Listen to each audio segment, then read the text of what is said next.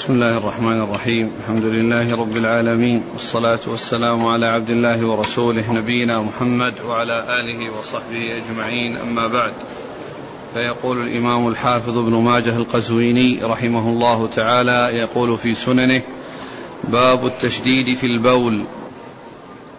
قال حدثنا أبو بكر بن أبي شيبة قال حدثنا أبو معاوية عن الأعمش عن زيد بن وهب عن عبد الرحمن بن حسنة رضي الله عنه أنه قال خرج علينا رسول الله صلى الله عليه وعلى آله وسلم وفي يده الدرقة فوضعها ثم جلس فبال إليها فقال بعضهم انظروا إليه يبول كما تبول المرأة فسمعه رسول الله صلى الله عليه وسلم فقال ويحك. أما علمت ما أصاب صاحب بني إسرائيل؟ كانوا إذا أصاب أصابهم البول قرضوه بالمقاريض فنهاهم عن ذلك فعذب في قبره. بسم الله الرحمن الرحيم. الحمد لله رب العالمين وصلى الله وسلم وبارك على عبده ورسوله نبينا محمد وعلى آله وأصحابه أجمعين. أما بعد فيقول الإمام ماجه رحمة الله عليه باب في التشديد في البول أي التشديد في أمر البول وأنه لا يجوز التهاون فيه والتساهل في أمره وأن الإنسان لا يبالي هل وصل إلى جسده أو ثوبه نجاسة بل عليه أن يحرص على أن يسلم من البول وألا يصل إليه شيء منه لا في جسده ولا في ثيابه لا في جسده ولا في ثيابه وأن ذلك عدم التنزه منه وعدم الاستبراء منه والتساهل في أمره وأن الإنسان لا يبالي في التنزه منه أن ذلك من أسباب عذاب القبر وأن الإنسان يعذب في قبره بسبب ذلك. ثم أورد ابن ماجه رحمه الله عدة أحاديث في هذا الموضوع. أولها حديث عبد الرحمن بن حسنة رضي الله عنه أن النبي صلى الله عليه وسلم كان معه درقة وهي الترس الذي آه، يعني يحتمى به ويتخذ وقاية. فجعله أمامه ونصبه أمامه وبال إليه يعني فجعله سترة يعني يستر ما يعني جهة أمامه. فقال قائل انظروا إليه يبول كما كما تفعل المرأة. كما تبول المرأة. كما تبول المرأة. يعني في التستر و يعني وأنها يحصل لها التستر. وكانوا في الجاهلية الرجال يعني آآ آآ يبولون عن قيام ولا يكون عندهم التستر الذي يعني يكون عند النساء. يعني فكان يعني هذا يعني فيه يعني إشارة إلى خلاف ما كانوا عليه في الجاهلية. وأن هذا التستر والعناية والاهتمام إنما هو من شأن النساء. فقال النبي صلى الله عليه وسلم إن رجلا بني إسرائيل قال أما قال ويحك؟ الرسول صلى الله عليه وسلم نعم. فسمع الرسول صلى الله عليه وسلم فقال ويحك أما علمت ما أصاب صاحب بني إسرائيل؟ فسمعه النبي صلى الله عليه وسلم فقال ويحك. يعني ليس بلازم أن يكون الكلام أنه قاله في هذا الوقت. وإنما سمع هذا الكلام فقال له هذا الكلام. سمع هذا الكلام منه فقال له هذا الكلام. ما سمعت يعني ما قاله صاحب بني إسرائيل يعني كانوا آه، إذا أصابتهم النجاسة يقرضونها بالمقاريض يعني ما شرع لهم أن يغسلوها. وهذا من الآثار التي كانت على من قبلنا. يعني كان عليهم تكليفات يعني ليست على هذه الأمة. ومنها أنهم كانوا يقرضونه في المقاريض. يقرضون ذلك في المقاريض. يعني يقطعون القطعة من الثوب التي تأتيها النجاسة. ما يعني يعني يغسلونها وإنما يقرضونها. وهذا فيه يعني شدة وفيه خسارة وفيه إتلاف يعني للأموال. فنهاهم يعني واحد منهم واحد منهم عن أن يفعلوا هذا الفعل. نهاهم أن يفعلوا هذا الفعل. فعذب في قبره لأنه نهاهم عن الأخذ بالشيء المشروع. وكذلك هذا الكلام الذي قاله يعني هذا الرجل إنما هو تكلم في أمر آه، مشروع وأمر مستحب فالإشارة إلى شيء من خلافه فيه شبه لما حصل من هذا الرجل من بني إسرائيل الذي آه، نهاهم عن الأخذ بالشيء الذي كلفوا به الأخذ بالشيء الذي كلفوا به فعذب في قبره يعني بسبب بسبب ذلك. لأن هذا يتعلق بالترجمة في التفسير في أمر البول. يعني وهذا يعني نهاهم أن يفعلوا هذا الفعل وقد كلفوا به فعذب في قبره. نعم. قال حدثنا أبو بكر بن أبي شيبة. ثقة أخرج أصحاب الكتب إلى الترمذي. عن أبي معاوية محمد بن خازم الضرير الكوفي ثقة أخرج أصحاب الكتب. عن الأعمش سليمان بن مهران ثقة أخرج أصحاب الكتب. عن زيد بن وهب وهو ثقة أخرج له. أصحاب الكتب. نعم. عن عبد الرحمن بن حسنة رضي الله عنه صحابي أخرج له. أبو داود والنسائي وابن ماجه. نعم. قال أبو الحسن بن سلمة حدثنا أبو حاتم قال حدثنا عبيد الله بن موسى قال حدثنا الأعمش فذكر نحوه. ثم ذكر هذا هذا هذه الإضافة من أبي الحسن القطان تلميذ النسائي وراوي كتابه السنن. تلميذ ابن ماجه. ابن ماجه وراوي كتابه السنن. وزاد يعني وفيه زيادات هذا منها فإنه ذكر هذه الطريق وأنه آه، المتن هو مثل المتن السابق ولكنه بهذا الإسناد الآخر. الذي شيخه فيه أبو حاتم وليس أبو حاتم الرازي من رجال ابن ماجه وإنما في السنن وإنما هو في التفسير وإنما هو من رجاله بالتفسير. فإذا فأبو حاتم شيخ لأبي الحسن القطان وليس شيخا لابن ماجه في السنن. وهذا الحديث الذي أورده ابن ماجه في السنن ذكره القطان في زياداته عليه بهذا الإسناد الذي شيخه فيه أبو حاتم الرازي. نعم. أبو حاتم الرازي هو ثقة أخرج محمد بن إدريس أخرج له ثقة أخرج له. البخاري وأبو داود والنسائي وابن ماجه في التفسير. نعم. عن عبيد الله بن موسى ثقة أخرج أصحاب الكتب. عن الأعمش فذكر نحوه. نعم. يقول السائل ألا يعارض هذا الحديث الحديث الذي مر معنا بأن النبي صلى الله عليه وسلم إذا أراد أن يقضي حاجته أبعد حتى لا يرى؟ آه ما يعارضه لأنه قد يكون أنه يعني أنه يعني آه أن في مكان بعيد وأنه يعني الرسول صلى الله عليه وسلم سمعه. وقد يكون وقد يكون في مكان قريب وأن هذا يعني نادر. يعني يحتمل يعني هذا ويحتمل هذا يعني يحتمل يكون بعيد من الرسول صلى الله عليه وسلم سمعه ويكون الله عز وجل أطلعه عليه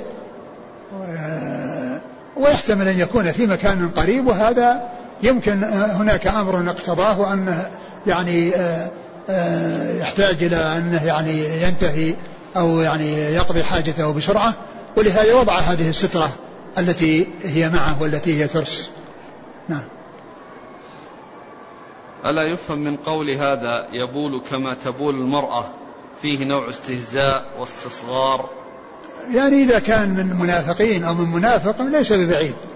وأما إن كان من غير منافق فليس كذلك وإنما فيه يعني إشارة إلى إلى شيء يعني آه، معروف في النساء وهذا الفعل مثل أفعالهن وهو لا شك أنه خطأ والتفوه به يعني غير سائغ ولا لائق.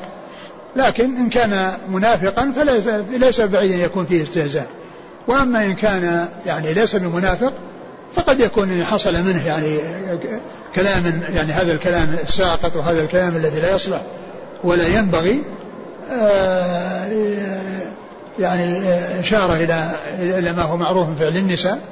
ومن غير أن يكون آه، استهزاء لأن الاستهزاء هذا يخرج الإنسان أن يكون مسلما كون يستهزئ بالرسول ويستهزئ بسنة الرسول صلى الله عليه وسلم يخرجه عن أن يكون مسلما. نعم.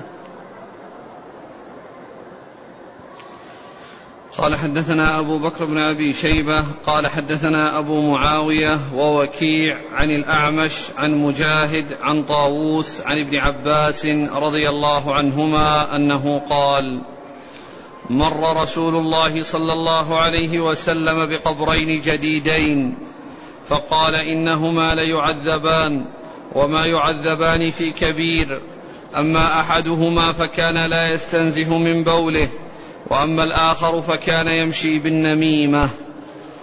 ثم ذكر حديث ابن عباس وأن النبي صلى الله عليه وسلم مر بقبرين يعني آه، جديدين يعني آه، حديثي عهد بالدفن يعني ليس قديمين وإنما هو جديدين الدفن يعني جديد وقريب. فدعا بجريدة رطبة وشقها نصفين يعني قطعتين مع وسطها بحيث كانت فرقتين.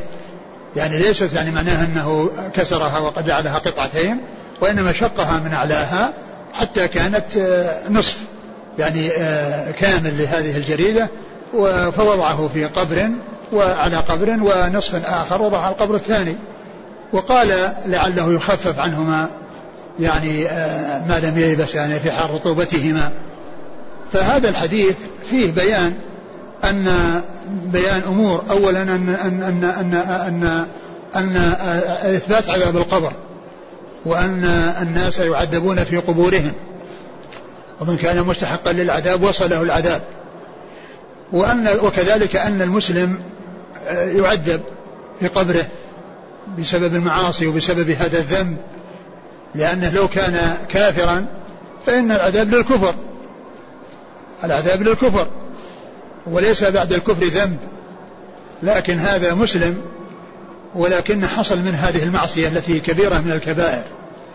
فكان لا يتنزه من البول والثاني يمشي بالنميمة وهما مستحقان للعذاب. والله تعالى أطلع نبيه صلى الله عليه وسلم على على تعذيبهما وبسبب العذاب وأطلعه على سبب العذاب إنهما لا يعذبان فيعني في قبورهما ففيه إثبات عذاب القبر وأن العذاب يكون للمسلمين وللكفار. وهذا الحديث من عذاب عذاب المسلمين. وأما عذاب الكفار فقد جاء في قول الله عز وجل النار يعرضون عليها غدوا وعشيا. ويوم تقوم الساعة أدخلوا آل فرعون أشد العذاب. فآل فرعون يعذبون في قبورهم ويعذبون في النار. يعني بعد بعد البعث والنشور. ينتقلون من عذاب شديد إلى عذاب أشد. كما جاء في هذه الآية. النار يعرضون عليها غدوا وعشيا. ويوم تقوم الساعة أدخلوا آل فرعون أشد تقوم الساعة يعني بالبعث. لأن الساعة تطلق إطلاقين إطلاق نهاية الدنيا. إذا قامت الساعة يعني انتهت الدنيا وحصلت النفخة الأولى التي بها يموت من كان حيا عند ذلك تقوم الساعة الذي بها تساوى الجميع في الموت. الذين ماتوا من قديم الزمان والذين ماتوا عند النفخة الأولى لأنها قامت الساعة. يعني معناه أن هلك من كان حيا فتساوى الناس جميعا في الموت. ومعلوم أن الساعة ساعتان ساعة لكل إنسان فكل من مات قامت قيامته وجاءت ساعته. وانتقل من دار العمل لدار الجزاء. و ومن كان حيا في آخر الدنيا فإنه يموت بالنفخة الأولى. يموت بالنفخة الأولى. ثم بعد ذلك يتساوى الناس الموت ويكون في قبورهم ويعذب المعذب. ثم بعد ذلك يحصل النفخة الثانية فيقومون مبعوثين من قبورهم. فهنا قال وإنما تقوم الساعة يعني النفخة الثانية التي فيها البعث من القبور. لأنهم كانوا يعذبون في قبورهم بالنار ثم بعد النفخة الثانية التي يحصل فيها البعث والنشور من قبورهم يذهبون إلى عذاب أشد بحيث يزجون في النار ويعذبون قبل يصل إليهم عذابها كما جاء في الحديث حديث البراء بن عازب الذي فيه أن النبي صلى الله عليه وسلم ذكر الإنسان إذا كان في إقبال من الدنيا من الآخرة وإدبار من الدنيا يأتيه ملائكة الرحمة وملائكة العذاب وإذا كان من الموفقين فتح على أبواب الجنة فيأتيه من روحها ونعيمها وإذا كان من من غيرهم فإنه يفتح له باب إلى النار فيأتيه من حرها وسمومها. يأتيه من حرها وسمومها. فهم يعذبون بعذاب النار في قبورهم سواء كان الكفار أو المسلمين الذين يستحقون العذاب. وإذا حصل البعث والنشور وقام وقامت الساعة التي هي بالبعث فإنهم ينتقلون من عذاب شديد إلى عذاب أشد. الذي هو عذاب النار. يعرضون عليها غدوا وعشيا يعني في قبورهم. ويوم تقوم الساعة يعني يحصل بعث النشور أدخلوا آل فرعون أشد عذاب. ينتقلون من عذاب شديد إلى عذاب أشد. وفيه آه، آه، آه، اطلاع الله عز وجل نبيه عليه الصلاة والسلام يعني على يعني هذا على على هذا العذاب وعلى سبب العذاب. وفيه كون النبي صلى الله عليه وسلم أراد أن يخفف عنهم العذاب بوضع هاتين الجريدتين أو القطعتين من الجريدة على قبر هذا وعلى قبر هذا. ف آآ فيخفف عنهما ما لم ما لم يلبسا. وهذا لا شك أنه من خصائصه عليه الصلاة والسلام. ولا يقال إن غيره يفعل معه ما يفعل فيؤتى بزهور أو يؤتى بشيء رطب. ويوضع على القبور كل هذا ليس بصحيح.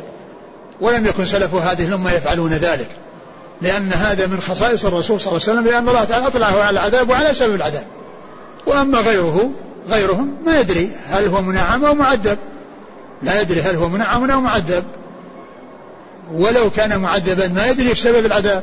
والله تعالى أطلع نبيه على العذاب وعلى سبب العذاب. وحصل منه هذا الفعل الذي قال لعله يخفف عنهما ما لم يلبسا فيكون من خصائصه صلى الله عليه وسلم لأن صحابته الكرام رضي الله عنهم وأرضاهم ما فعلوا ذلك بعده عليه الصلاة والسلام. ثم فيه دليل على أن النميمة من الكبائر وعلى أن عدم التنزه من البول من الكبائر لأن فيه تعذيب في إثبات عذاب القبر بسببه فهو دال على على على, على, على أنه كبيرة. ومعلوم أن الكبيرة عند العلماء وأحسن ما قيل في الكبيرة أنها ما كان عليه حد في الدنيا أو توعد عليه بلعنة أو غضب أو نار. وهذا فيه آه، آه، إخبار بالوعيد. إخبار بالوعيد إخبار بالعذاب. وأنه آه، وأن من سببه هذا فإذا يكون تكون النميمة من الكبائر وكذلك عدم التنزه من البول. وعدم التحرز منه والتساهل في أمره وأن الإنسان لا يبالي في النجاسة تكون عليه ولا يعني يغسلها ولا يتركها فإن هذا من الكبائر. مر رسول الله صلى الله عليه وسلم بقبرين جديدين فقال إنهما ليعذبان وما يعذبان في كبير. يعني وما يعذبان في أمر كبير يشق عليهم التخلص آه، آه، منه وأنه صعب عليهم وإنما هو يسير. سهل سهل عليهما. أن يحترز هذا من البول وأن يترك هذا النميمة يعني ما يعذبان في أمر خطير يعني بالنسبة يعني يشق عليهم آه، تركه أو السلامة منه بل السلامة منه سهلة لمن وفقه الله عز وجل. يحرص على النجاسة أن لا تجي جسده ولا ثيابه وكذلك يبتعد عن النميمة وهي نقل كلام الغير من الغير على وجه الإفساد. نقل كلام إنسان من إنسان على جهة الإفساد بينهما. ف يعني فليس بأمر شاق يعني الاحتراز منه وكونهم يسلمون من العذاب بكونهم يفعلون هذا الفعل هذا أمر سهل التحرز منه والسلامة منه سهل ما في مشقة عليهما. ما في كلفة يقال يعني هذا شاق عليهما وأن فيه صعوبة وأن فيه كلفة قال وما يعذبان في كبير وما يعذبان في كبير. يعني في كبير في آه، آه، يعني بحيث يشق ولا يتخلص منه وإنما هو سهل ولكنه كبير في عظم الجرم وشدته وشدة العذاب. ولهذا جاء في الحديث بلى إنه كبير. وما يعذب بلى إنه كبير. يعني فهو ليس بكبير بمعنى وكبير بمعنى آخر. نعم. أما أحدهما فكان لا يستنزه من بوله وأما. الآخر فكان يمشي بالنميمة. قال حدثنا أبو بكر بن أبي شيبة عن أبي معاوية ووكيع.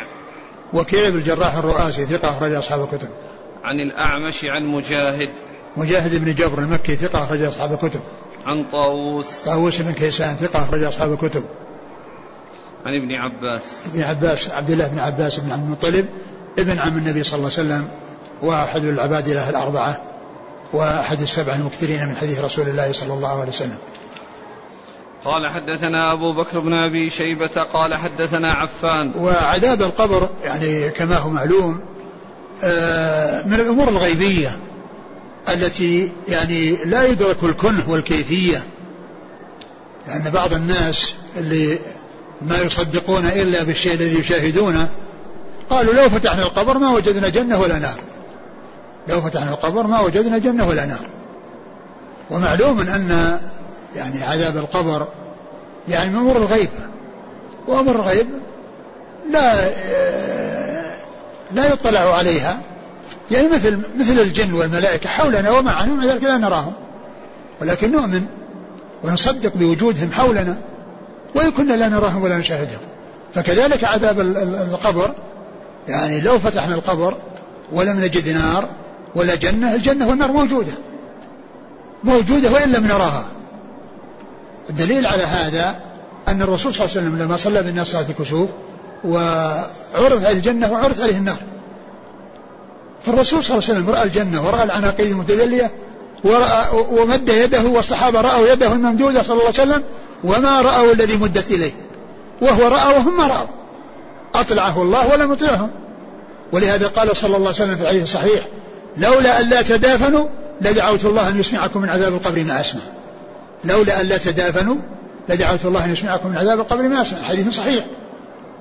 يعني لو أطلع الله الناس على ما يجري في القبور ما تميز من يؤمن بالغيب ومن لا يؤمن بالغيب. ما يتميز. لو أطلعهم الله وشاهدوا ورأوا ما ما يتميز من يؤمن بالغيب ومن لا يؤمن بالغيب. لكن الله أخفى هذا وأخبر به فالمؤمن يصدق به وإن لم يشاهده.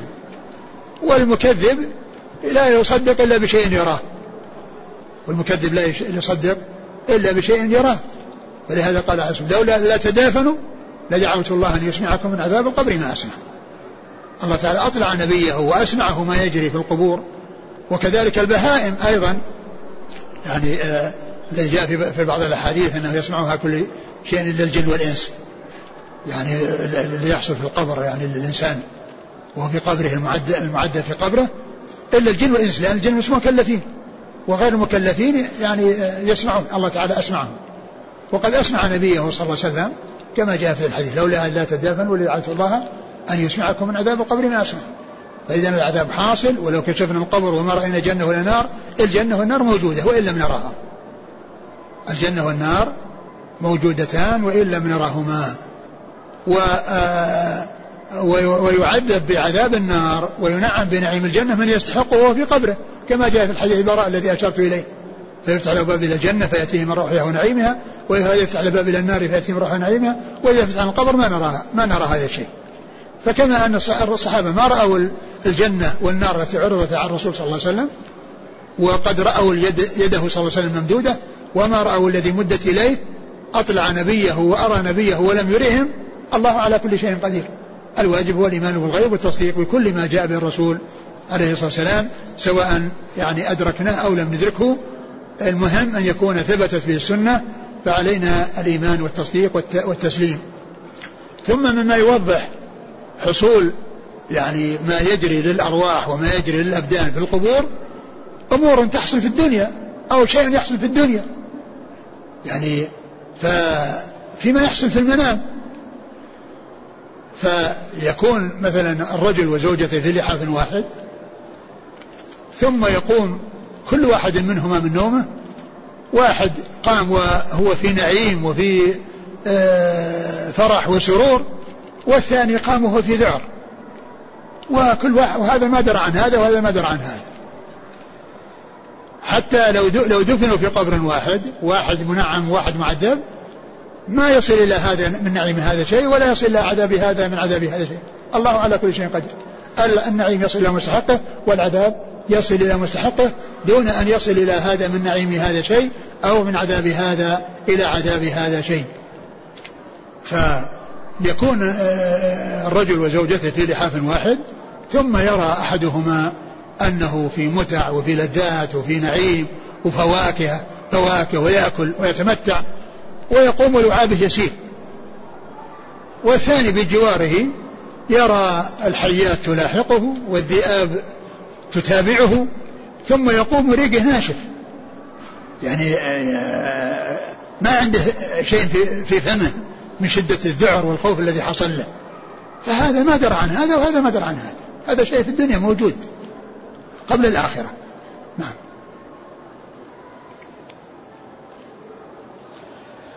قال حدثنا أبو بكر بن أبي شيبة قال حدثنا عفان قال حدثنا أبو عوانة عن الأعمش عن أبي صالح عن أبي هريرة رضي الله عنه أنه قال قال رسول الله صلى الله عليه وعلى آله وسلم أكثر عذاب القبر من البول. ثم هذا الحديث يعني يدل على أن أن كثير من الذين يعذبون في قبورهم يعني آه، من عدم التحرز وعدم التوقي والتستر وأن الإنسان قد تصل له النجاسة لعدم المبالاة وعدم لكن ليس مع ليس بالوسواس لأن فيه تحرز وفيه وسواس. الوسواس هذا مضيعة للإنسان ودمار للإنسان. يعني حتى لو كان سليما ما يكون سليم. وقد يؤدي به الأمر إلى يعني عدم القيام بما أوجب الله عليه لا في وضوئه ولا في صلاته. فالتحرز موجود ولكن لا على سبيل الوسواس ومجاوزة الحد الذي يكون فيه إفراط بحيث يكون وسواس للإنسان. وكذلك أيضا لا يكون يبالي لا يبالي بأن تقع البول على ثوبه أو على جسده ولا يبالي بذلك لا يجب عليه التحرز لكن مع الحذر من الوسواس. والحديث يدل على كثرة العذاب بسبب آه، البول وعدم التحرز منه. نعم. قال حدثنا أبو بكر بن أبي شيبة عن عفان. عفان بن مسلم الصفار ثقة أخرج أصحاب الكتب. عن أبي عوانة الوضاح بن عبد الله اليشكري ثقة أخرج أصحاب الكتب. عن الأعمش عن أبي صالح. أبو صالح ذكوان السمان وهو ثقة أخرج أصحاب الكتب. عن أبي هريرة. نعم. قال حدثنا أبو بكر بن أبي شيبة قال حدثنا وكيع قال حدثنا الأسود بن يعني فيكون هذا الحديث عام وهذان اللذان مر ذكرهما في حديث ابن عباس من أفراد ذلك العام يعني من الذين عذبوا في قبورهم بسبب بسبب التنزه أحدهما أحد الاثنين. لأن واحد بسببه أنه لا يتنزه من البول والثاني يمشي بالنميمة. فإذا هذا مثال من أمثلة هذا هذه الكثرة التي أرشد إليها الرسول صلى الله عليه وسلم في أن عذاب أن أكثر عذاب القبر إنما هو من البول. نعم. قال حدثنا أبو بكر بن أبي شيبة قال حدثنا وكيع قال حدثنا الأسود بن شيبان قال حدثني بحر بن مرار عن جده أبي بكرة رضي الله عنه أنه قال مر رسول الله صلى الله عليه وعلى آله وسلم بقبرين فقال إنهما ليعذبان وما يعذبان في كبير أما أحدهما فيعذب في البول وأما الآخر فيعذب في الغيبة. ثم ذكر هذا الحديث عن أبي بكر رضي الله عنه. وهو مثل حديث ابن عباس إلا أنه قال ذكر هنا الغيبة. والغيبة هي من جنس آه، آه، النميمة. إلا أن الغيبة ذكر الإنسان بما يكره وهي أعم من النميمة لأن النميمة يمشي بين الاثنين بأن يعني يقول أن فلان قال فيه كذا وفلان قال فيه ويأتي للثاني ويقول فلان قال كذا فيفسد ما بينهما. وأما الغيبة ذكر الإنسان بما يكره. يعني آه، ذكر الإنسان يتحدث بشيء يكرهه في غيبته يكرهه في غيبته فهي أعم من النميمة لأن النميمة ذكر الإنسان بما يكره في غيبته. غيبة. النميمة ذكر الإنسان بما يكره في غيبته من الجانبين لأن كون يأتي لهذا ذكر هذا في غيبة هذا وهذا في ذكر غيبة هذا في غيبة هذا. وأما الغيبة يذكر الإنسان بما يكره وإن لم آه، يكن يأتي للثاني. وإنما يتحدث بشيء يكرهه الإنسان. ولهذا جاء في الحديث عن النبي صلى الله عليه وسلم أنه قال لما قيل ما الغيبة؟ قال ذكرك أخاك مكر قال أرأيت إن كان في أخي ما أقول؟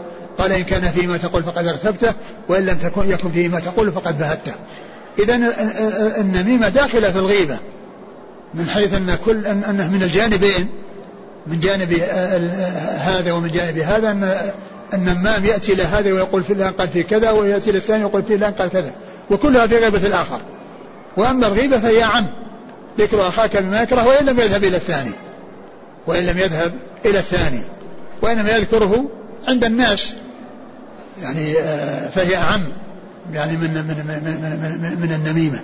وهنا يعني يدل على أن الغيبة كذلك من أسباب عذاب القبر. نعم. قال حدثنا أبو بكر بن أبي شيبة عن وكيع عن الأسود بن شيبان. وهو؟ ثقة أخرج البخاري المفرد ومسلم وأبو داود والنسائي بن ماجه.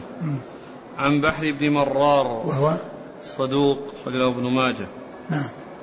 عن جده أبي بكرة. لأن في بعض النسخ جده أبي بكرة وهو جد أبيه ليس جده. لأنه بحر ابن مرار ابن عبد الرحمن ابن أبي بكرة. ابن أبي بكرة يعني أربع بينه وبين يعني جد أبيه جد جد مرار. جد مرار هو أبو بكرة وجد آه، بحر هو عبد الرحمن بن أبي بكرة. فهنا يعني يروي عن جد أبيه جده الذي هو جد أبيه وفيه إرسال. وعلى أنه آه، يروي عن أبي بكرة عن جده أبي أبي بكرة آه، عبد الرحمن بن بكرة يصير مرسل لأنه يعني ما ذكر الصحابي. وعلى كل إن سواء كان الإرسال الذي هو انقطاع أو الإرسال الذي هو ترك الصحابي أو عدم ذكر قول كون قول التابعي قال رسول الله صلى الله عليه وسلم كذا أو حكى قصة حصلت في زمن الرسول صلى الله عليه وسلم. يعني معناها أنها ليست لم يكن إنما هي من غيره وليست منه وإنما أخذها عن غيره وقد يكون الذي أخذها عن صحابي وقد يكون تابعي. آه الحديث صحيح متنه من جهة أن أن أن الأحاديث الأخرى هي بمعناه نعم. أبو بكرة. أبو بكرة نفيع بن الحارث أخرج أصحاب الكتب.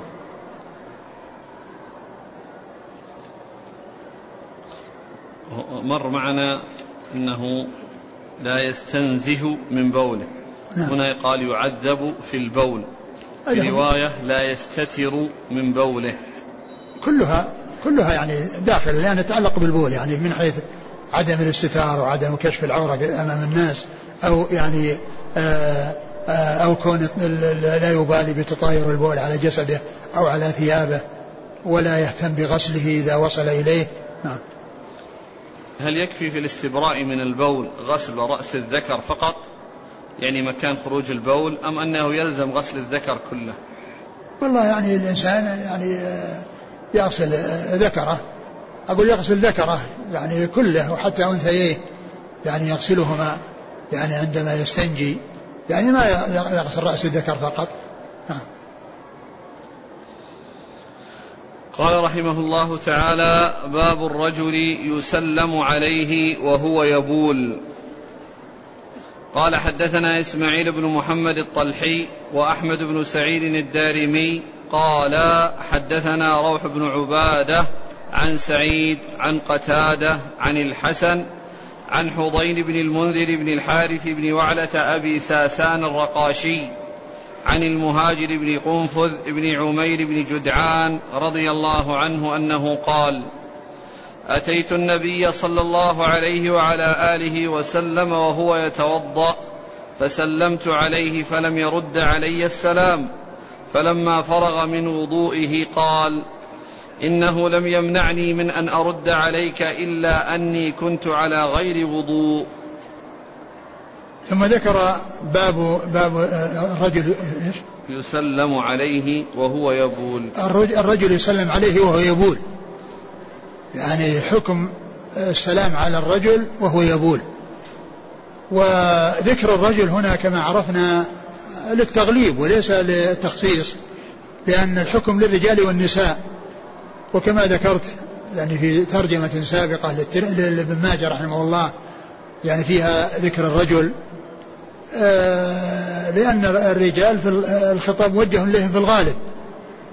فلا يعني ذلك أن النساء ما تكون مثل الرجال في ذلك بل هي مثلها مثلهم إلا فيما إذا جاء نص يبين أن هذا الحكم للرجال وهذا الحكم للنساء مثل الرش من بول الغلام والجارية. لأنه جاء أنه يرش من بول الغلام ويغسل من بول الجارية. يعني جاء التفريق بين هذا وهذا. ومثل المواريث لذكر من حظ الأنثيين. وكذلك يعني آه، بعض المسائل الأخرى التي فيها التمييز بين الرجال والنساء. التي فيها المرأة على النصف من من الرجل في خمسة مواضع. المرأة على النصف من الرجل في خمسة أمور. في الميراث وفي العقيقة وفي الشهادة وفي العتق. وفي الدية. هذه خمسة آه، الرجل على ضعف يعني مما يحصل للمرأة. فالأصل هو التساوي في الأحكام بين الرجال والنساء. ولا يصار إلى تمييز الرجال عن النساء والنساء عن الرجال إلا بالدليل. فإذا جاء دليل يقول هذا الحكم للرجال وهذا الحكم للنساء خلاص يصار إليه. وإذا لم يأتي فإن الحكم واحد. فهنا يعني الرجل يسلم عليه وهو يبول يعني ليس له مفهوم الرجل حتى المرأة. المرأة يعني لا تسلم على المرأة وهي تبول لا تسلم على المرأة وهي تبول الرجل لا يسلم على الرجل وهو يبول يعني ليست القضية خاصة بالرجال وإنما لكون الخطاب مع الرجال جاء التنصيص عليه في كلام العلماء. كما جاء ذلك في حديث الرسول صلى الله عليه وسلم. لأن النبي عليه الصلاة والسلام قال لا لا تتقدموا رمضان بيوم أو يومين إلا رجل كان يصوم صوما فليصمه وكذلك المرأة اللي يصوم الاثنين والخميس وصادف يوم ثلاثين من شعبان ما في بأس يصوم سواء كان رجل ولا امرأة. فذكر, فذكر الرجل في قوله صلى الله عليه وسلم إلا رجلا لا مفهوم له. وكذلك من وجد متاعه عند رجل قد أفلس فهو حقه من الغرماء. لو وجد عند امرأة قد أفلست. يعني فهو أحق به من الغرماء. فذكر الرجال يعني أحيانا لا لبيان الحكم يخصهم ولكن لأن الغالب أن الخطاب معهم. فهذا هو المقصود من الترجمة. ثم ذكر الحديث الحديث أقرأ. قال عن المهاجر بن قنفذ. قال أتيت النبي صلى الله عليه وسلم وهو يتوضأ. فسلمت عليه فلم يرد علي السلام. فلما فرغ من وضوئه قال إنه لم يمنعني من أن أرد عليك إلا أني كنت على غير وضوء. النساء ابن ماجه رحمه الله قال باب الرجل عليه وهو يبول وذكر هذا الحديث. وليس في ذكر الوضوء. ليس في الترجمة يعني الحديث في ذكر الوضوء ليس في ذكر البول. ففسر بأن المقصود أنه أنه أنه بال وأنه توضأ. يعني وأن الوضوء متصل بالبول. وإلا فإن الرجل الذي يتوضأ يعني وليس يعني في مكان قضاء الحاجة يمكن أنه يسلم عليه ويمكن أنه لأن كونه يغسل وجهه ويغسل يديه ما يمنع لأنه يذكر الله عز وجل قبل أن يعني يبدأ وبعد ما ينتهي. أقول يعني يسمي الله عز وجل وفي الآخر يدعو بالدعاء. ف وما بينهما له أن يتكلم. ولكن ليس هناك شيء مشروع في أثناء إذا غسل وجهه يقول كذا وإذا غسل كذا ما في شيء يدل عليه. لكن كونه يسلم على الإنسان الذي يتوضأ يسلم عليه. كما يسلم على الرجل الذي يغتسل. الرجل الذي يغتسل إذا كان أنه يعني مثل يعني ليس في, في, في مكان قضاء الحاجة. مثل ما سلمت آه، أم هاني على الرسول صلى الله عليه وسلم وهو يغتسل عام الفتح. وكانت تستره فاطمة بثوب فأرفع الثوب وسلمت عليه ويعني حدثته أو عرضت عليه مشكلتها وأفتاها رسول الله صلى الله عليه وسلم بما أفتاها به. ف ال يعني معناها أنه أنه يبول وأن البول الوضوء اتصل بالبول. أقول اتصل يعني في مقدماته. قال إنه قال إنه لم لم يمنعني. لم يمنعني من أن أرد عليك إلا إلا أني كنت على غير وضوء. وكذلك أيضا يمكن أن يكون هذا مثل الحديث الذي فيه أن الرسول صلى الله عليه وسلم تيمم يعني ورد السلام على من سلم عليه. فيكون من يعني هذا من باب الندب الطهارة المندوبة وليس الشيء اللازم والأمر الذي لا بد منه. يعني فيكون على أحسن حال وعلى أكمل حال. لكن ابن ماجه رحمه الله أورده في في باب البول وأنه لا يسلم عليه وأنه قد يكون أن المقصود أنه كان يعني الوضوء كان متصلا بحالة البول. نعم. بعدها بعدها مباشرة حصل هذا فيكون أطلق عليه أنه يتوضأ مع أنه في أواخر هذا وفي أوائل هذا. نعم. قال حدثنا إسماعيل بن محمد الطلحي. هو؟ صدوق يهم رجله ابن ماجه. نعم. وأحمد بن سعيد الدارمي. هو؟ ثقة أخرجه أصحاب الكتب إلا النسائي. نعم. عن روح بن عبادة. ثقة أخرج أصحاب الكتب. عن سعيد عن قتادة. سعيد بن أبي عروبة ثقة أخرج أصحاب الكتب وقتادة بن دعامة السدوسي ثقة أخرج أصحاب الكتب. عن الحسن ابن أبي الحسن البصري ثقة أخرج أصحاب الكتب. عن حضين بن المنذر. وهو؟ ثقة أخرج له مسلم وأبو داود والنسائي وابن ماجه. نعم. عن المهاجر بن قنفذ. أخرج له؟ أبو داود والنسائي وابن ماجه. نعم.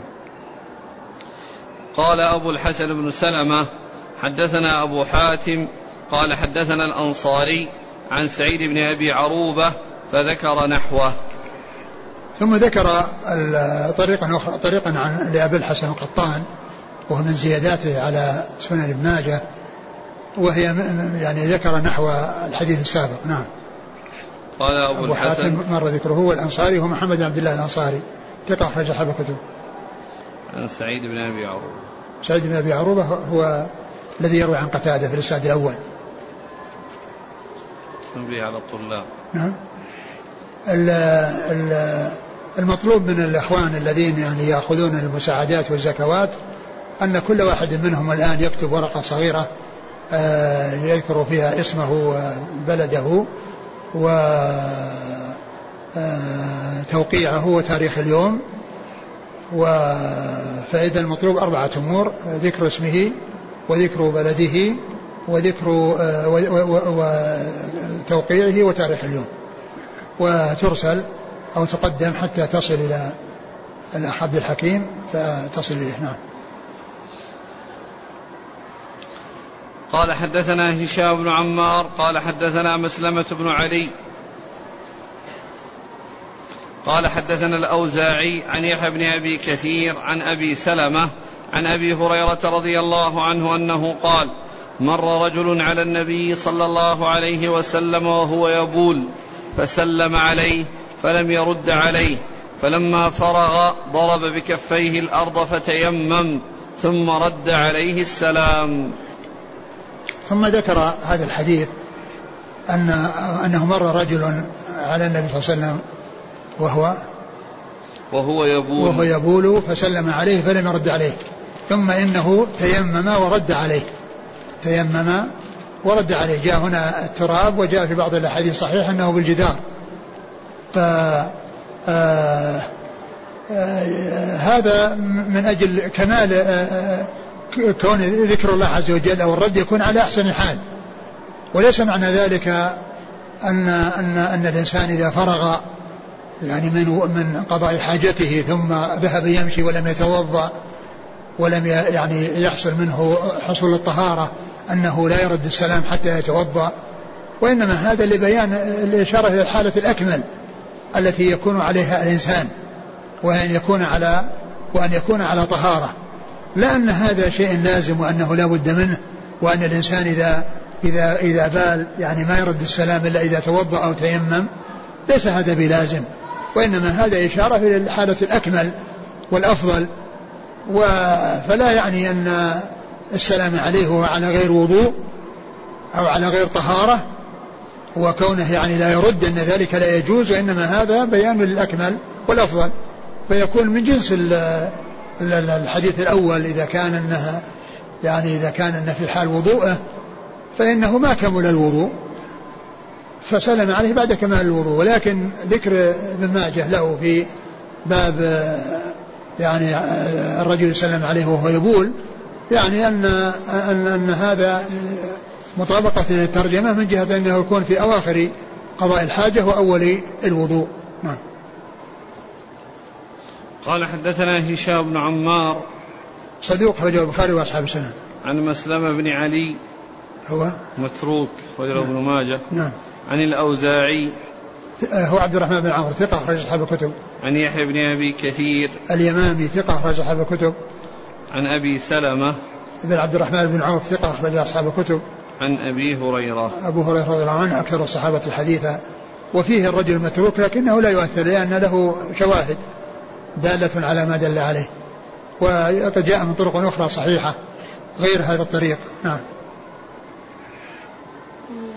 والحديث الأول هو بمعناه على اعتبار أن أن أنه يعني كان يعني وهو يبول. نعم. قال حدثنا سويد بن سعيد قال حدثنا عيسى بن يونس عن هاشم عن هاشم بن البريد عن عبد الله بن محمد بن عقيل عن جابر بن عبد الله رضي الله عنهما أن رجلا مر على النبي صلى الله عليه وسلم وهو يبول فسلم عليه فقال له رسول الله صلى الله عليه وسلم إذا رأيتني على مثل هذه الحالة فلا تسلم علي فإنك إن فعلت ذلك لم أرد عليك. آه ثم ذكر هذا الحديث عن من؟ جابر. عن جابر بن عبد الله أن رجلا مر على النبي صلى الله عليه وسلم وهو يبول فسلم عليه فإيش؟ فقال فقال إذا؟ إذا رأيتني على مثل هذه الحالة فلا تسلم علي. إذا رأيتني هذا محتمل يكون قاله وهو يعني على هذه الحالة التي هو عليها وأنه بين له الحكم يعني آه وأنه لا يسلم على الإنسان وهو يبول يعني آه حتى يعني لا يؤخر البيان عن وقت الحاجة وأنه قد يذهب يعني هذا الذي مر فأراد أن يبين له عليه الصلاة والسلام ويحتمل أن يكون ذلك بعد أنه بعد فراغه وأنه قال له هذا بعد الفراغ. نعم. قال حدثنا سويد بن سعيد هو صدوق له مسلم وابن ماجه نعم. عن عيسى بن يونس وهو ثقة. أخرج له. أصحاب الكتب. نعم. عن هاشم بن البريد. وهو ثقة إلى أبو داود والنسائي بن ماجه. نعم. عن عبد الله بن محمد بن عقيل. وهو صدوق. في حديثه لين نعم. وله البخاري في المفرد وأبو داود والترمذي وابن ماجه. نعم. عن جابر بن عبد الله. رضي الله عنهما وهو أحد السبعة المكثرين من حديث رسول الله صلى الله عليه وسلم. قال حدثنا عبد الله بن سعيد والحسين بن أبي السري العسقلاني قال حدثنا أبو داود عن سفيان عن الضحاك بن عثمان عن نافع عن ابن عمر رضي الله عنهما أنه قال مر رجل على النبي صلى الله عليه وسلم وهو يبول فسلم عليه فلم يرد عليه. وهذا مثل الذي قبله. وأن الرجل سلم على النبي صلى الله عليه وسلم ولم يرد عليه. ودل هذا على أن الرجل لا يسلم عليه وهو يبول لا يسلم عليه وهو لا يرد لو سلم يعني لا يسلم الإنسان على من يبول ولا يرد عليه إن سلم عليه. وهذا فيه تنزيه. يعني وقضاء ذكر الله عز وجل عند قضاء الحاجة. نعم. قال حدثنا عبد الله بن سعيد. عبد الله بن سعيد؟ نعم هو؟ أشج في نعم. أخرج أصحاب الكتب. نعم. والحسين بن أبي السري العسقلاني. وهو؟ ضعيف أخرج له ابن ماجه. نعم. عن أبي داود عن سفيان. أبو داود هو الطيالسي. حفري. من هو؟ أبو داود الحفري. هكذا نص وهو عليه وهو المزي عمر بن عمر بن سعد. نعم. نعم. رجله مسلم. ثقة أخرج له مسلم وأصحاب السنن نعم. عن سفيان سفيان هو الثوري ثقة أخرج أصحاب الكتب. عن الضحاك بن عثمان وهو؟ صدوق يهم أخرج له مسلم وأصحاب السنن. نعم. عن نافع عن ابن عمر. قال رحمه الله تعالى باب الاستنجاء بالماء. قال حدثنا هناد بن السري. قال حدثنا أبو الأحوص عن منصور عن إبراهيم عن الأسود عن عائشة رضي الله عنها أنها قالت ما رأيت رسول الله صلى الله عليه وسلم خرج من غائط قط إلا مس ماء. ثم ذكر باب الاستنجاء. بالماء. باب الاستنجاء بالماء. الاستنجاء هو من النجو والقطع. والمقصود من ذلك قطع أثر الخارج بالماء. قطع أثر الخارج من السبيلين. بالماء. والاستجمار هو بالحجارة التي هي الجمرات. كونه يزيل يعني أثر الخارج بالحجارة أو بالجمرات قيل له استجمار لأنه فعل شيء بالجمار. وأما هذا الاستنجاء فهو بالماء يعني آه، قطع أثر الخارج بالماء. ثم ذكر حديث عائشة رضي الله عنها أن أن آه، قالت ما رأيت رسول الله صلى الله عليه وسلم خرج من غائط قط إلا مس ماء ما رأيت النبي خرج من غائط قط إلا مس ماء يعني استنجى. ليس المقصود وضوء. يعني مو معناها أن الإنسان كلما قضى حاجته لازم يتوضأ لكنه لازم أن يستنجي أو يستجمر إما هذا وإما هذا. إما هذا وإما هذا. يعني لا بد من الاستنجاء ولا بد من الاستجمار. لا بد من إزالة أثر الخارج. يعني إما بالحجارة التي هي الاستجمار وإما بالماء الذي هو الاستنجاء. فالرسول صلى الله عليه وسلم ما خرج أو قضى حاجته أو كذا إلا إلا مس ماء يعني أنه استنجى. فإذا هذا يدل على أن الاستنجاء لا بد منه أو الاستنجار الاستجمار إما هذا وإما هذا. نعم. قال حدثنا هناد بن السري. هو أبو السري ثقة أخرجه البخاري في خلق أفعال العباد ومسلم وأصحاب السنة. عن أبي الأحوص سل... آه، هو سلام بن سليم. ثقة أخرج أصحاب الكتب. عن منصور عن إبراهيم. منصور بن المعتمر ثقة أخرج أصحاب نعم. نعم. منصور المعتمر أخرج أصحاب الكتب وإبراهيم هو بن يزيد بن قيس النخعي ثقة أخرج أصحاب الكتب. عن الأسود. الأسود النخعي وهو ثقة أخرج أصحاب الكتب. عن عائشة. أم المؤمنين رضي الله عنها الصديقة بنت الصديق وهي من أكثر الرواية عن رسول الله صلى الله عليه وسلم.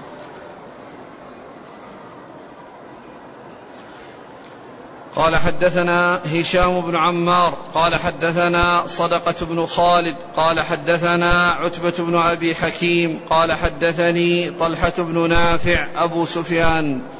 قال أخبرني أبو أيوب الأنصاري رضي الله عنه وجابر بن عبد الله رضي الله عنهما وأنس بن مالك رضي الله عنه أن هذه الآية نزلت فيه رجال يحبون أن يتطهروا والله يحب المطهرين.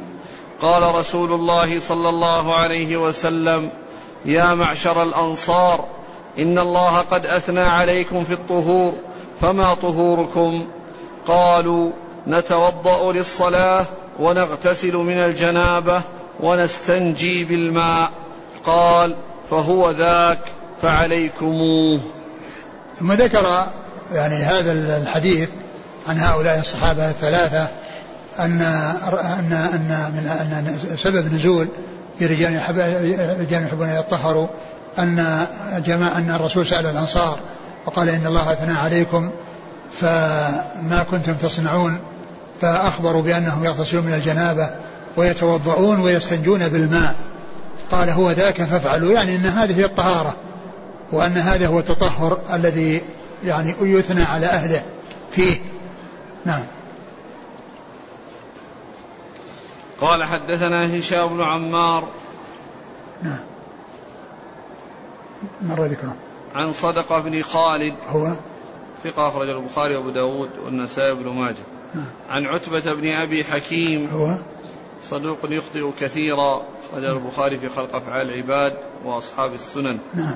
عن طلحة بن نافع وهو ثقة أخرج أصحاب صدوق أخرج له. نعم. عن أبي أيوب الأنصاري هو خالد بن زيد رضي الله عنه أخرج أصحاب الكتب. وجابر بن عبد الله نعم. وأنس بن مالك. أنس بن مالك خادم الرسول صلى الله عليه وسلم وأحد السبع المكثرين من حديثه.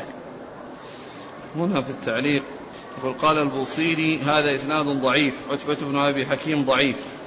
وطلحة لم يدرك أبا أيوب مع أن في الإسناد طلحة بن نافع قال أخبرني أبو أيوب الأنصاري وجابر وأنس. كيف يقول أخبرني إذا لم يدرك؟ لا هذا الأخبار لا شك أنها لكن هل يعني هل هذا الكلام صحيح؟ يعني أنه لم يدركه؟ لأنه إذا ما أدرك إذا لم يدركه ما يقول أخبرني. ولم يقول عن أو قال الذي هو يعني إما يعني يكون مرسل. لكن قول أخبرني يدل على أن, فيه اتصال. ولكن الحديث يعني آه، صححه الشيخ ناصر بن حسنه و وأيضا الذي سيأتي في أهل قباء شاهد له وقباء هم أيضا آه، آه، الأنصار هم من أهل قباء لأن أهل قباء جماعة من الأنصار فيمكن أن يكون هذا شاهد لهذا وكلها تتعلق بالأنصار. أهل قباء بني عمرو بن عوف وهم من الأنصار. نعم. قال حدثنا علي بن محمد قال حدثنا وكيع عن شريك عن جابر عن زيد العمي عن أبي الصديق الناجي عن عائشة رضي الله عنها أن النبي صلى الله عليه وسلم كان يغسل مقعده ثلاثا. قال ابن عمر رضي الله عنهما فعلناه فوجدناه دواء وطهورا. أعد أعد مثل؟ عن عائشة رضي الله عنها أن النبي صلى الله عليه وسلم كان يغسل مقعده ثلاثا. قال ابن عمر فعلناه فوجدناه دواء وطهورا. ثم ذكر هذا الحديث الذي فيه الاستنجاء وفيه أن النبي كان يغسل مقعده ثلاثا. يغسل مقعده ثلاثا. قال ابن عمر فعلناه فوجدناه دواء وطهورا. وطهورا؟ نعم. نعم وجدناه دواء وطهورا. آه لكن الحديث في إسناده زيد العمي و جابر الجعفي. وجابر الجعفي. نعم. قال حدثنا علي بن محمد. هو الطنافسي وهو ثقة أخرجه النسائي في مسند علي وابن ماجه. عن وكيع عن شريك. شريك بن عبد الله النخعي الكوفي وهو صدوق. أخرجه البخاري تعليقا ومسلم وأصحاب السنن. عن جابر. جابر الجعفي هو. ضعيف وله نعم. أبو داود والترمذي وابن ماجه. نعم. عن زيد العمي. وهو. ضعيف وله نعم. أصحاب السنن. نعم. عن أبي الصديق الناجي. وهو. عمرو بن بكر ثقة أخرج أصحاب الكتب. نعم. عن عائشة. نعم. قال أبو الحسن بن سلمة حدثنا أبو حاتم وإبراهيم بن سليمان الواسطي قال حدثنا أبو نعيم قال حدثنا شريك نحوه. نعم. قال حدثنا أبو حاتم وإبراهيم بن سليمان الواسطي. هذا لم أجد له ترجمة هذا يعني هذا ليس برجال الكتب الستة. نعم. عن أبي نعيم. الفضل بن دكين ثقة أخرج أصحاب الكتب. عن شريك نحوه. نعم. قال حدثنا أبو كريب. قال حدثنا معاوية بن هشام عن يونس بن الحارث عن إبراهيم بن أبي ميمونة عن أبي صالح عن أبي هريرة رضي الله عنه أنه قال قال رسول الله صلى الله عليه وعلى آله وسلم نزلت في أهل قباء فيه رجال يحبون أن يتطهروا والله يحب المطهرين. قال كانوا يستنجون بالماء فنزلت فيهم هذه الآية. وهذا مثل الذي قبله ولا تنافي يعني الأنصار بنو عمرو بن عوف أهل قباء هم من الأنصار. وهناك ذكر الأنصار وهنا ذكر بني عمرو أهل قباء. فهنا ذكر ذكروا في بلدهم أو يعني مسكنهم ويعني وهؤلاء وفي الثاني ذكروا بوصفهم وقبيلتهم وأنهم الأنصار. يعني فهذا شاهد لهذا. نعم. قال حدثنا أبو كريب. محمد بن العلاء بن كريب ثقة أخرج أصحاب الكتب. عن معاوية بن هشام. هو؟ صدوق له أوهام رجل البخاري في المفرد ومسلم وأصحاب السنن. نعم. عن يونس بن الحارث. وهو؟ ضعيف رجل أبو داود والترمذي وابن ماجه. نعم. عن إبراهيم بن أبي ميمونة. وهو؟ مجهول الحال نعم. أبو داود والترمذي وابن ماجه. نعم. عن أبي صالح عن أبي هريرة. نعم. قال رحمه الله تعالى باب من دلك يده بالأرض بعد الاستنجاء. قال حدثنا أبو بكر بن أبي شيبة وعلي بن محمد قال حدثنا وكيع عن شريك عن إبراهيم بن جرير عن أبي زرعة بن عمرو بن جرير عن أبي هريرة رضي الله عنه أن النبي صلى الله عليه وعلى آله وسلم قضى حاجته ثم استنجى من تور ثم دلك يده بالأرض. ثم ذكر هذه الترجمة باب دلك باب من دلك يده بالأرض بعد الاستنجاء. باب من دلك يده بالأرض بعد الاستنجاء. يعني أن الإنسان عندما يستنجي فإنه يدلك فإنه يعني يدلك يده في الأرض حتى يعني يذهب يعني آثار التي علقت باليد إذا كان آه، علق بها شيء بسبب الاستنجاء. ومعلوم أن الاستنجاء إنما يكون هذا الحديث فيه دلك اليد. دلك الأرض اليد بالأرض يعني بعد الاستنجاء وذلك لإزالة يعني ما يكون قد علق بها بعد الاستنجاء. وهذا من الكمال وإلا فإنه ليس بلازم الإنسان ما يتأتى منه الاستنجاء إلا بأن يدلك ولكن الإنسان يستنجي بال بالماء وينقي حتى يعني تذهب اللزوجة لأن الإنسان إذا صب الماء وغسل المكان فذهبت اللزوجة التي هي من آثار يعني قضاء الحاجة وصارت المكان يعني نقي يعني ما في يعني شيء من من الآثار فإنه يحصل به الإنقاء ويحصل به الطهارة. ولكن هذا من الكمال.